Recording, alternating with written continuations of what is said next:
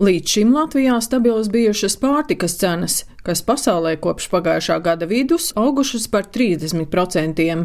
Lauksaimniecības tirgus veicināšanas centra vadītāja Inguna Gulbe vērtē, ka procesi, kas notiek pasaules tirgos, ar lielāku vai mazāku nobīdi norisinās arī Latvijā, un resursu cenu kāpums ietekmēs arī pārtikas cenu palielināšanos. Pasaulē šajā brīdī ir augušas labības cenas, eļļas un cukura cenas, un šīs ir tās produktu grupas, kuras arī ir kā sastāvdaļa vai izēviela citu produktu ražošanā, piemēram, gaļas, olu un tā tālāk. Nu, tā ir lobarība, nu, arī šiem produktiem līdz ar to visticamāk tā cena kāps.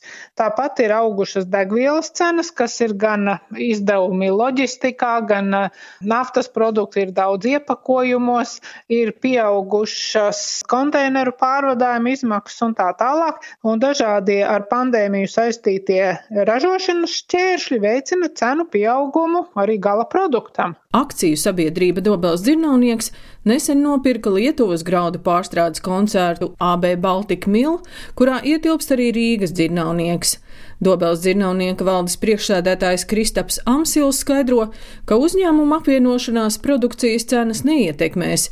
Graudaugu cenas pasaulē nosaka cenas biržā. Neskatoties uz to, ka pagājušā gada graudu ražas visos lielajos tirgos un arī pie mums Baltijā bija ļoti labas, taču tika novērota ļoti aktīva lielo valstu graudu iepirkumi. Ļoti daudz valsts veidoja papildus krājumus, ko mēs skaidrojam dēļ šīs pandēmijas. Tad bija diezgan liels spiediens uz graudu cenām. Visām izaivielām esam piedzīvojuši ļoti strauju cenu kāpumu. Ja mēs salīdzinām divu gadu griezumā, piemēram, grīķu graudu cenas, tad viņas ir vairāk kā dubultojušās. Ja mēs skatāmies uz kviešiem, kas ir viena no pamata izaivielām arī mums pārstrādēji, tad, ja mēs salīdzinām ražas sākumu 2020. gada, kviešu graudu cena bija aptuveni 170 eiro līdz 175 eiro par tonu robežās, tad decembra, janvāra mēnešos tā cena jau bija par vairāk kā 30% lielāka. Šī cenu veidošanās notiek globāli, un galvenās izaivielas ir piesietas biržas cenām. Cenas pērn samazinājās dārziņiem. Agronomi un biedrības Latvijas dārznieks pārstāve Mārīta Gailīta vērtē, ka cenu samazinājuma iemesls ir pandēmija. Nestrādāja restorāni, pārtrauka turisma aktivitātes, pārtikas patēriņš globāli un dārziņu tā skaita ir būtiski samazinājies. Un vēl arī tas, ka pagājuši gadu diezgan daudz cilvēku metas audzēt savu pārtiku paši, un līdz ar to rudeni bija ļoti jūtams, ka samazinājās pieprasījums pēc vietējiem dārziņiem. Arī zemenes, kas tagad nāk no ārzemēm, ir lētākas nekā gadu pirms tam. Ar dārzeņiem tā ir. Tas cenas ir cikliskas. Visdārgāk dārziņi ir maija, jūnija līdz jāņiem, pēc tam cenas samazinās un ļoti zemas cenas ir augusta. Kaut kur oktobrī cenas stabilizēs un visu ziemu līdz praktiski aprīlim stāv viena kaut kāda noteikta līmenī. Šogad pavasaris ir ļoti tumšs, agro gurķu tomātu raža nedaudz kavēs.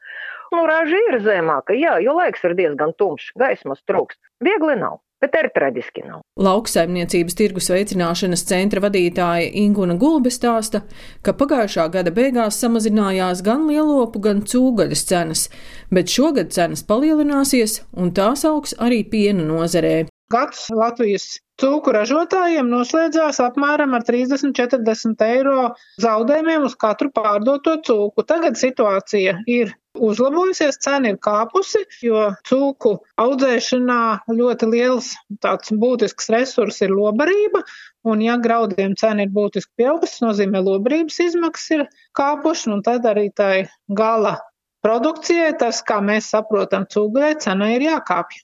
Piena nozare varbūt sākotnēji likās, ka būs ļoti lielas problēmas nozarē, jo apstājās eksporta tirgi, bet eh, gads beigās noslēdzās veiksmīgi un pārdošanas apjomi un eksporta pat bija lielāki nekā gadu iepriekš.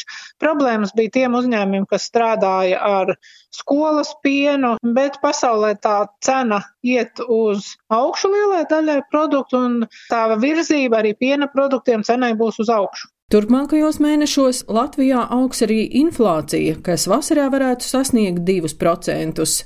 Daina Zalamane, Latvijas radio.